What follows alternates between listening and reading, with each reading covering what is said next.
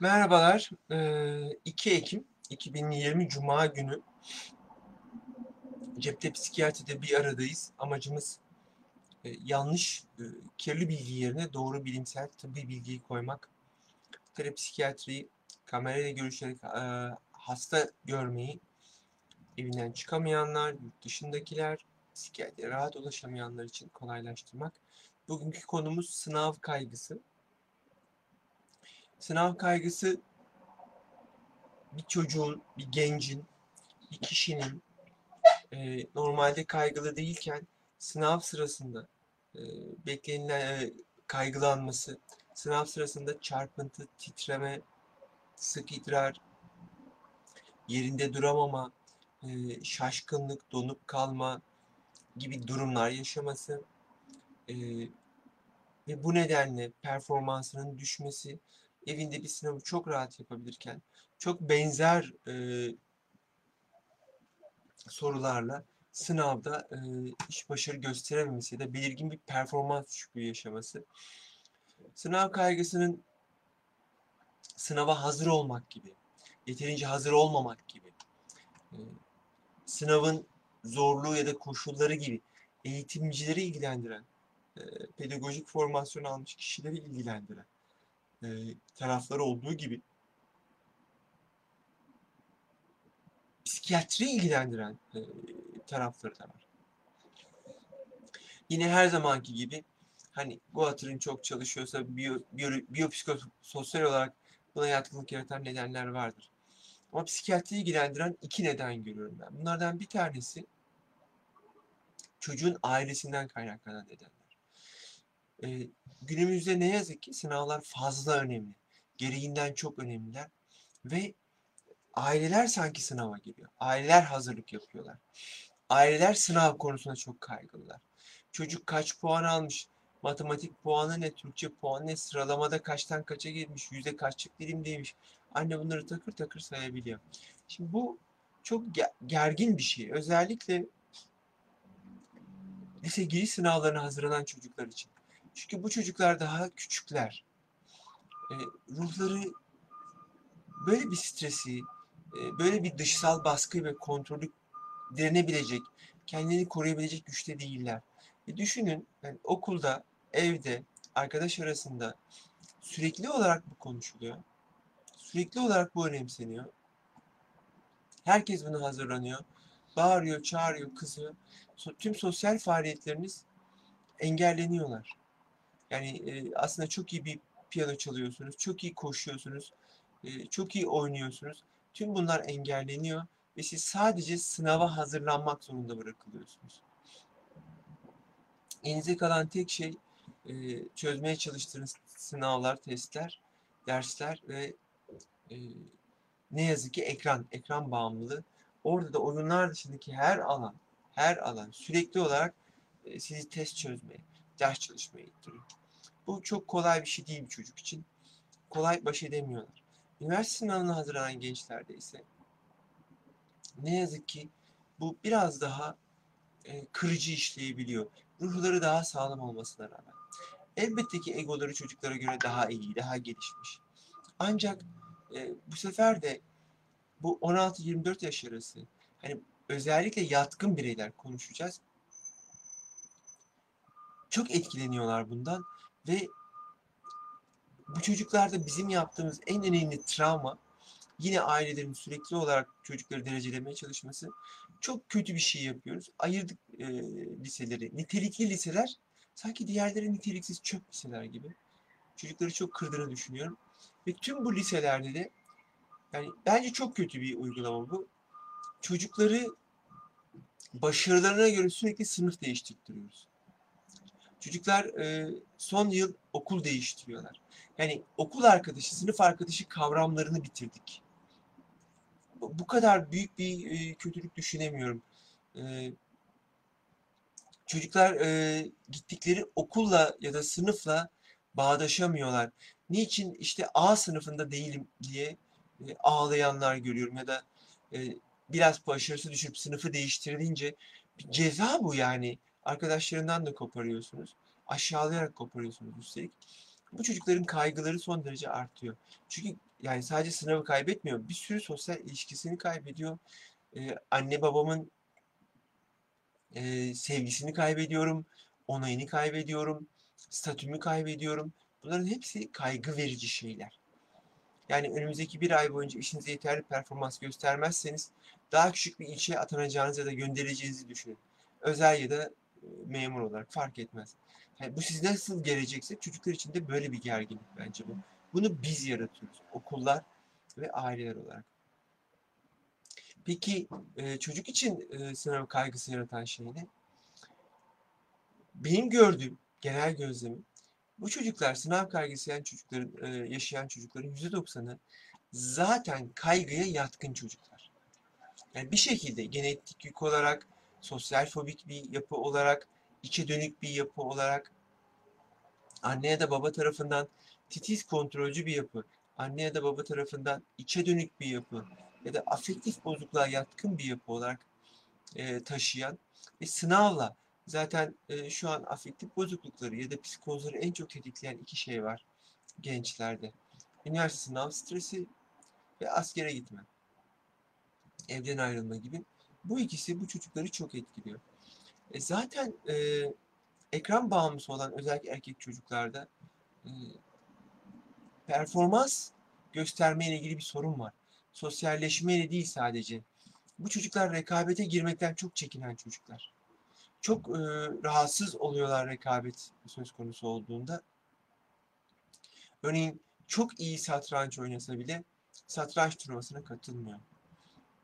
Dışarı çıkmak çok zor onun için. Ve siz onu sürekli olarak bir e, bir şeye zorluyorsunuz. Bir yandan da çok güzel bir dünya. Ekran ve oyun bağımlılığı onu çekiyor. Bu birbirini destekleyen bir konu gibi. Çocukta takıntılar başlıyor. Ya da gece korkular başlıyor. E, ya da kalabalıkta konuşamama, sosyal fobi gibi belirtiler başlıyor. Bunları biraz gizliyor. Eğer e, aileyle arası bozuksa daha bozuluyor. Odadan daha az çıkıyor. Size daha çok yalan söylüyor, daha çok kopuyor. E, çocuklara ayrı oda vermekle iyi bir şey yaptık mı bilmiyorum. Yani sanki onlara lüks olanaklar sağlamışız, onları rahat ettirmişiz gibi düşünüyorsunuz. Ama e, daha çok kopuyorlar bizden. Daha e, az temas ediyoruz. Yani ayrı oda sırf uy- uyuma odası olmuyor çocuklar için. Ders çalış e, ekranları orada biz onları ders çalıştığını ya da bir şeyler okuduğunu falan düşünüyoruz ama genellikle bu böyle değil. Genellikle bambaşka bir dünyaları var. Biz bunun farkında değiliz. Bu kopuş da aslında kendini ifade edememeyi, e, içe kapanmayı ve kaygının artışını getiriyor. Ne yazık ki e, sınava hazırlanan çok dengeli çocuklar haricinde normal çocuklarda bile kaygıyı çok arttıran faktörlerden biri bu. E, bir çocuk eğer okuldaki sınavlarda bile kaygı duyuyorsa, deneme sınavlarında heyecan, e, sınıftan çıkma zorunluluğu, çarpıntı, üzüntü, kaygı yaşıyorsa, bir gece öncesinde uykusuzlukları oluyorsa, birkaç gün öncesinden Allah'ım ne yapacağım, ne yapacağım falan diyorsa, e, sınav sonuçları ile ilgili ya da e, sınavın öncesinde sonrasında ağlama nöbetleri, e, sıkıntılar oluyorsa, bir LGS sınavı öncesinde bir okulun bahçesine gidip veliler de çocuklar da hüngür hüngür ağlıyorlar. Yani sınava böyle bir havayla giriyor. Sınav değil de ölüm kalım savaşı gibi. Bir, sanki böyle Nazi toplama kampında gaz odasına falan girilecek gibi dehşet bir tablo. Ee, tüm eğer bunlar varsa erken önlem almakta fayda var. Bazılarında bu kadar belirgin olmuyor. Beni çok üzen bir durum. Tam sınav zamanında oluyor. Özellikle üniversite sınavı için bu çok büyük bir sıkıntı.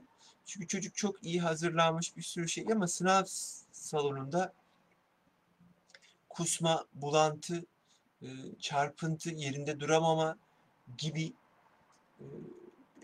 anksiyetenin bedensel ya da duygusal bulgularını gösteriyor. Sınava konsantre olamıyor, mahvoluyor. Herhangi bir gerçek olay da bunu tetikleyebilir. Yani çocuk o gün ishaldir, gerçekten karnı ağrıyordur, ayağı kırıktır. Yani stresini arttıracak bir şey eklenmiştir. E, bu da çocuğu çok ciddi etkileyebiliyor. Sınav kaygısında ne yapıyoruz? Normal anksiyeteyi tedavi ettiğimiz gibi tedavi ediyoruz. Erken yakalarsak bunu en az 3-4 hafta önce yakalamamız lazım. Çünkü ilaçların ilk 2 hafta belirgin yan etkileri olabilir. Ve verdiğiniz antidepresan, sakinleştirici etkiden çok yan etki gösterebilir.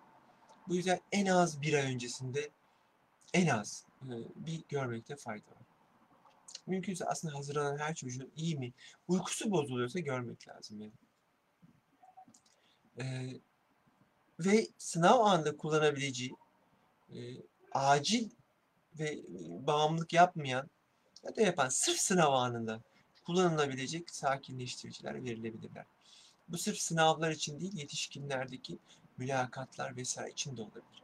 Çünkü e, her sınav ne kadar hazır olduğunuzu söylerseniz söyleyin bir, bir strestir. Hani Napolyon'u gece aynen uyandırmışlar savaş başlıyor diye ben de sınav var zannettim demiş. Yani gerçekten e, e, çok sizi gerebilir. Biri sizi değerlendirecek. Bu e, banka mülakatlarında artık sınavların süresi çok uzadı. KPSS'ler, TUS'lar, e, DUS'lar böyle bir sürü işte okulu bitirmeniz falan yetmiyor. Yani herkes sürekli hayatı boyunca sınava girmek zorunda bu ülkede nedenini bilmediğim bir şekilde. Bir şekilde çözemedik bunu. Bu yüzden e, bu sınav anında kullanılabilecek yardımcılar da gerçekten çok işe yarıyorlar ve performansı çok arttırıyorlar. Sınav kaygısı eğer sınav dışında olmuyorsa ek ve uzun bir tedavi gerektireceğini zannetmiyorum. Ama dediğim gibi bunlar çok az. Yani kişiler oldukça iyi muhtemelen obsesif kompulsif kişilik ya da biraz içe dönük bir kişilik ama kendini kabul etmiş, bir çevreleri var, oturmuş. Yani bu kişiler daha çok bir mülakata, KPSS'ye falan girecekleri zaman gelip hocam ben o zamanlarda heyecanlanıyorum. Kendini çok farkındalar. Ego artık iyice oturmuş. Kişilik yapısı tüm e, hücreleriyle e, hücreleri silmiş ve değişecek bir şey yok ama o anda bir zayıflık var. Bunu illa sınav diye düşünmeyin. Herhangi bir kişi adliyeye gittiğinde tanık ol, sanık ol dediğinizde aynı sıkıntıyı yaşıyor. Yani eli ayağına karışıyor, ne söyleyeceğini bilmiyor. E, kolay süreçler değillerdir. Aslında buna bir tür performans ya da akut anksiyete reaksiyonu diyebilirsiniz. Tedavide e, eksik olan şeylere bakıp yine e, kaygı gidericileri veriyoruz. Ve genellikle çok da hafif tutuyoruz bunları. Ve sınav anına dönük önlemler alıyoruz. Başka da çok fazla bir şey yapmıyoruz. Çünkü e, etiketlemek, yani hep söylüyorum 21 yaşın altına tanı koymak benim çok çekindiğim, tedirgin olduğum bir şey. Hemen yine sorulara bakalım. Gülseren Hanım kas ve eklem ağrılarını süt ürünleri tetikler mi demiş. E, tetikleyebilir. Laktaz intoleransınız varsa Gülseren Hanım e, böyle bir sıkıntı e, yaşayabilirsiniz. İki hafta süt ve süt ürünlerinden uzak durarak bunun olup olmadığını görmek mümkün. Ya da laktaz intoleransını e, anlayabilecek testler var. Sanırım bir dahiliye hocamız ya da metabolizma hocamız bunu çözebilir doktorumuz. E, aile hekim de çözebilir. Yani belki e, benden daha fazla bilgili olduklarına eminim bu konuda. Arzu hocam ee, Arzu Hanım, e, hocam iyi akşamlar. Gerçekten haklısınız. 15 yaşında kızım var. Ben onu almak istiyorum ama anlamıyorum. Ne yapalım? Dünkü yayınımız üzerine. Arzu Hanım anlayamazsınız. Yani hani ben çocuğumla arkadaş gibiyim. İyi bir fikir değil bu yaşlarda. Yeterince arkadaşı var. Onun anneye ihtiyacı var. Meraklanmayın. Uzaklaşmasından korkmayın. Yani ilk doğumunu yapar yapmaz, maaşını alır almaz anne diye dönecek size. Ee, samimi olun, gerçek olun kızım seni anlamıyorum. Ee, kızım seni anlıyorum ama bir şey yapamıyorum gibi. Ee, kendimi bu anlamda çaresiz hissediyorum gibi samimi olun. Ben ne yapabilirim diye sorun. Bırakın çözümü o öğretsin. 15 yaş az bir yaş değil. Yani büyük annelerimizin anne olduğu yaşlar. Soyut kavramların geliştiği yaşlar. Ee, çözüm üretmek zorunda. Aptal e, sepet böyle saçma sapan kaprislere boyun eğmeyin. E, ama tabii ki e, daha deneyimli bir yetişkin olarak çözüm üretin ama mutlaka verilerin biraz hile yapın burada. Hile, hile yaparak kontratı onun önermesini sağlayın. Yani E, kızım uyduruyorum kızınız sınıfta bir akran baskısına maruz kalır. Sınıfın popileri vardır. E, kızınıza kezban demişlerdir, loser, ezik demişlerdir. Alay ediyorlardır ya da üzerine geliyorlardır. E, bir hile yapabilirsiniz. Yani ben de böyleydim. Bir, e, bir tane Hülya diye e, gıcık olduğum bir kız vardı. Bunu bunu yapardı. Ama bunu bunu yapmaya çalışmıştım. Sen de bana bu bu, bu yöntemler arasında bir çözüm önerebilir misin diye. E, çekilin. Yani e, başka da çok fazla bir şeye gerek yok. Çok güzel birkaç kitap var. E, Çin asıllı bir Amerikalının e, Çinli Annenin Zafer Marşı. E, ben Nesli.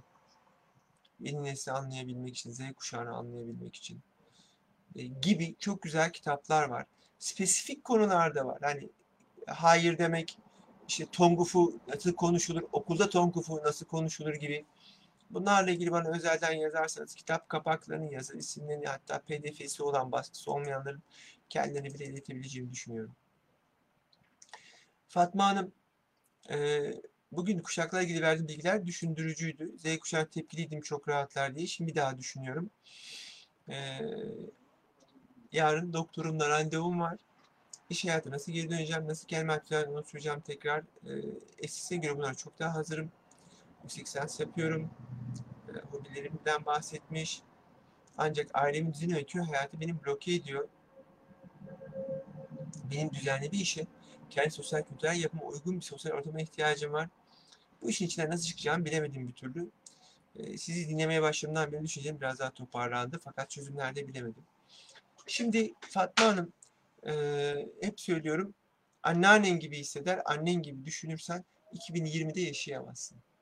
Öncelikle nezaketi terzide bırakın. Onu kırmayayım, bunu üzmeyeyim, bunu boş verin. Birinci halkada Fatma Hanım gülen, neşeli, keyifli bir kadın olacak. Çocuğu onu modelleyecek. Diğerleri kendine göre pozisyon alırlar. Ama siz kendi, yani siz sağlam toprakta olmazsanız e, bataklıktan kimseyi tutup çekemezsiniz. E, ve hani herkesi memnun etmeye çalışırsanız, benim lafım değil bu. Memnun olup olmayacağınızı bilmiyorum. Ama sizin e, mutsuz olacağınızı garanti ederim demiş adamın biri. Bu yüzden e, çözüm e, önceliklerinizi sıraya koymak ve üretebildiğiniz, e, hayatın içinde olabildiğiniz ter, yere doğru gitmek. Freud'un dediği gibi hayat çalışmak ve sevmektir. Siz e, sosyo-kültürel yapınıza uygun bir ortamda bir işe ihtiyacınız var. Çok da iyi tespit etmişsiniz. İşi bulduktan sonra arkadaş bunların arasından partner, onun arasından o pek çok şey çıkacaktır. Bu yüzden yavaş hareket edin. E, ama e, kendi yolunuzda gidin. Birinci halkanızı önce kendinizi koymazsanız e, çok çok zorlanırsınız. Yani başkaları el alem ne der? E, anne, annenizin, anneannenizin kuşağının düşüncesi. E, siz 2020 yılında yaşayan insanların iyi kötü, doğru yanlış gibi kavramları olamaz. Bunlar annelerimizin, babalarımızın düşünceleri. Ayıp, günah, yasak anneannelerimizin, dedelerimizin düşünceleri. Günümüzde olabilecek iki kelime var. Tercih ve bedel. Bir şey tercih ettiğinizde bunun artı ve eksi bir sürü bedeli var. Bunu sizler kendinize göre karar vereceksiniz. Doğru diye bir şey yok. Yani siz köy hayatından şehre gitmeye çalışıyorsunuz. Şehirden de bir sürü insan köye kaçmaya çalışıyor. Herkesin kendisine iyi gelen e, doğrusu farklıdır. Yani doğru diye bir net genel geçer bir kavram yok. E, hocam balık yağı ne kadar gerekli demiş Ebru Hanım. E, balık yağı beynin kuru ağırlığının %70'i yağ asiti olduğundan Ebru Hanım. Dikkat eksikliği olanlarda, depresyonda, sorunu olanlarda vermeye çalıştığımız bir şey. Çok gerekli değil. Ama faydalı olduğunu düşünüyoruz. Meta analizler sandığımız kadar faydalı olmadığını, harcanan para kadar çok etkili olmadığını söylüyor. Ama belki bilmediğimiz şeyler vardır gibi düşünerek biz vermeye çalışıyoruz. Bir de uzun yaşamak istiyoruz ya atrofi oluyor bilmem ne. Belki bunu alamıyoruz. Eminim bozukluğu kullanıyoruz. Balık yağı yeşil çay ile ilgili bir uyarı var. O da şudur. Kanama zamanını uzatır. Balık yağı kullanıyorken deri altı morluklarınız başlarsa uyanık olmanızı öneririm. E, Aylin hayır diyememek büyük, yüzden büyük sıkıntı yaşıyorum. Öneriniz ne olabilir? E, Sınırlar diye çok güzel bir kitap var Aylin Hanım. Çok güzel. E, bununla ilgili pek çok bizim ev ödevimiz var. Ee, yani hayır deme üzerine. Şema terapilerde, kabul ve karakter terapilerinde çok ciddi bunun üzerine çalışılır. Pek çok klinik psikolog, psikiyatrist, terapist bununla ilgili size yardımcı olabilir. Kitapla başlayıp Sınırlar diye bir kitap. Oradan devam edebilirsiniz diye düşünüyorum. Barış Bey sınav kaygısı nedeniyle kullanılan ilaçlar sınav sırasında performansı düşür, uyku yapar mı? İlacına, bedeninize pek çok şeye bağlı. Bu yüzden en az bir ay öncesinden eğer bir antidepresan ya da anksiyotik kullanacaksak bakmak lazım. Ama sınav sırasındakileri kişiye göre titre ederek evde yapılan deneme sınavlarında şunda bunda e, çok daha e, yumuşak kullanabiliyoruz. E, Katibe Hanım sözlü mülakatta nelere dikkat etmemiz gerekir, neleri kesinlikle yapmamalıyız. Mülakat tekniği ayrı bir alan ama kaygı bozukluğu ile ilgili benzer bir şekilde bir doping alabiliriz.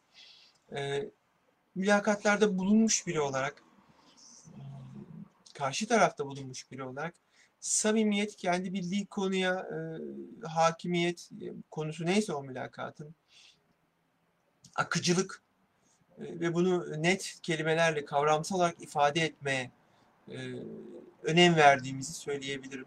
E, subay ve az subay seçmelerinde, polis okulu seçmelerinde yıllarca çalıştım. Hani e, futbol hariç 5 kere anlam cümle kur gibi bir e, sorun vardı benim. Hani herhangi bir konuda. Ve 18 yaşına gelmiş erkek çocukların %70'i bunu yapamazdı. Çok e, yani bol bol okumanızı öneririm. Benzer boş sandalye karşısında sanki mülakattaymış gibi pratik yapmanızı öneririm. Girdiğiniz mülakatta en çok sorulan sorulara bakıp buna uygun yanıtlar üretmenizi şiddetle öneririm. Leyla Hanım sınav sesi nedeniyle el titremesi bunun gibi belirtiler yerine uyku hali halsizlik yaşıyor. Bu mümkün mü? Genelde diğer belirtiler bahsediyor. Mümkün e, içe dönük insanlarda e, regresyonu savunma mekanizması kullanan insanlarda anksiyete ve depresyon huzursuzluk yerinde duramama gibi değildi. Çarp ama yine de hava açlığı ve çarpıntı olabilir. Uykuya kaçma e, olabilir. E, yoğun strese bağlı olarak özellikle adrenalin deşer sonrası ağır halsizlik olabilir. E, bayağı bir insanda bu da görülür. E, belki sanırım uzun süre sınav kaygısı ve anksiyete bozukluğu nedeniyle liderer ve benzeri ilaçların kullanımının yan olabilir? Olabilir. Ee, her ilacın yan etkisi vardır. Lideralin uzun süre kullanımında diyabeti tetikleyebileceği de insülin direncini değiştirebileceğini düşünüyoruz. Ee, benzeri ilaçlarda da 3 ile 6 ayda bir karaciğer böbrek enzimlerine bakarak ya da ilacın bildiğimiz EKG çekerek e, bildiğimiz e, odası yan etkileri biz kontrol edebiliyoruz. E, bunlar da çok işe yarıyorlar. E, Mustafa Bey e, mevsim geçinden uykum bozuldu ve hareketlendim yine bipolar demiş. Olabilir. Sonbahar ve ilkbahar geçişleri e, afektif bozukluğu arttırır. Hemen e, yani maniye mi kayıyoruz, depresyona mı kayıyoruz hemen önlem almalıyız. Ne yazık ki afektif bozukluk çok iyi tedavi edilir. Ancak ilaç kullansak bile dalgalanmaları olur. Kötü tarafı budur. Mehmet Bey, hocam konu dışı sayılır ama şunu sormak isterim. Anksiyete ve OKB'de BDNF etkisi nedir? BDNF içeren ilaçlar var mıdır? Esra ilaçlarda BDNF var mıdır? E, BDNF dediği e, Mehmet Bey'in e, beyin e, brain e, diye şimdi hatırlayamadım. E, nörotrafik faktör. Nöronları geliştiren, e, yeni nöron oluşumunu arttıran e, bir e, peptit, hor, e, protein, hor, e, hormon gibi bir şey.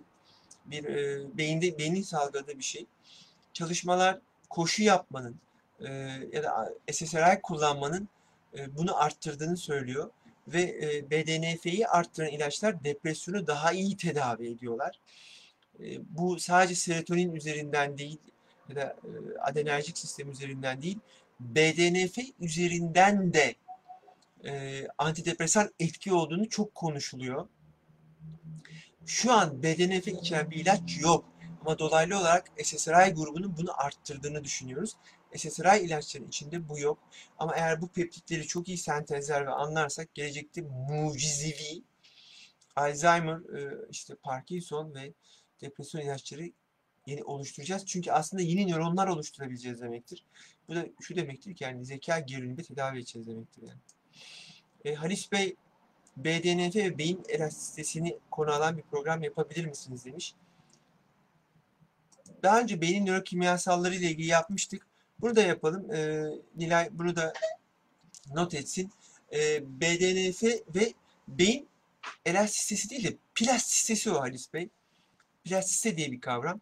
Beynin yeni e, sorunlar karşısında kendini değiştirebilmesi, yolak sistemini değiştirebilmesi, yeni nöronlar oluşturabilmesi üzerine e, güzel bir konu bu. E, niye yapmayalım? Beyin kendini tamir edebilirmiş demiş Halis Bey. Evet. Önceden beynin 20 yaş civarında durduğunu, bir daha da yeni nöron oluşmadığını falan sanıyorduk. Ama hayır. Her gün doğru koşullarda 50 ila 100 arası yeni nöron oluşabildiğini, beynin kendini sürekli her gün uykuda temizlediğini, bir inme sonrasında ya da kayıp sonrasında, travma sonrasında beynin hasarlı nöronlarını tamir ettiğini ve yeni o fonksiyon yerine yeni algılar geliştirmeye çalıştığını görüyoruz. Yani kör olanların çok daha iyi duyması gibi. Mehtap Hanım adet dönemlerimde aşırı dikkat kaybım var ve beyin fonksiyonu azaldığını gözlemliyorum. Haklısınız. E, premenstrüel disfori yani Türkçe adet öncesi gerginlik, huzursuzluk işte çevirebileceğimiz bir tanımız var DSM'de. E, çok da etkiliyor kadınlık hormonları. E, sadece e, adet dönemi değil, e, tüp bebek öncesindeki hormon verilirken, doğum öncesi sonrası. Yani hormonların hepsinin ana kaynağı beynin e, hipofiz ve hipotalamus bezidir. Hormon yani beyin hormonlar aracılığıyla vücudu vücuttaki hormonlarda e, beyni çok etkiliyorlar. Birbiriyle çok ilişkili. Bunu azaltan ilaçlar var Mehtap Hanım. Bazı bitkisel östrojenler, bazı SSRI grupları inanılmaz iyi geliyor. E, yardım almanızı öneririm. Aile hekimi bile yardımcı olabilir. Hakan Bey e, psikolojik kişisel gelişim paylaşımları sayfamda pozitif, pozitif, pozitif hayat ile psikolojik kişisel paylaşım grubumuz adına size teşekkür ederiz demiş. Ben de teşekkür ederim Hakan Bey. Çok teşekkür ederim. Ne güzel oralarda paylaştığınız için ve daha fazla insana e, yayılmasını sağladığınız için. Ama ne olur e, teşekkür kadar eleştiri yapın. Yani çok çok önemli. E, Ferit Bey her e, şeyde selam veriyor bize. E, teşekkür ederim. E, pazartesi günü e, pazartesi günü saat 6'da cinsel sapmalar ile ilgili konuşacağız. Neden bu, bu hafta bunları seçtik Dünya Ruh Sağlığı Günü dışında? Gençler arasında böyle modalar var. Dünyada en hızlı yayılan eğilim ne yazık ki ben lezbiyenim eğilimi. E, bunları konuşmak istiyoruz. Nedir yani gerçekten homoseksüelite nedir, transgender nedir? Bunları çok kısa kısa bahsedelim. E, cinsel işlev bozukluklarından bahsedelim yavaş yavaş birileri konuşsun bunları. Sorularınız oldukça da yine e, konuşur ve bunun üzerine gideriz. Aslında bunun için bir kanal açmak ve buradaki soruları yayınlamak lazım. E, belki uzun süre, bir süre sonra onu da yaparız. E, iyi hafta sonları diliyorum. Lütfen fayda görebilecek kişilerle paylaşmanızı, lütfen e, kendi sayfalarınızda paylaşmanızı, YouTube kanalına üye olmanızı rica ediyorum. E, dinlediğiniz için, sarmanız için çok teşekkür ederim.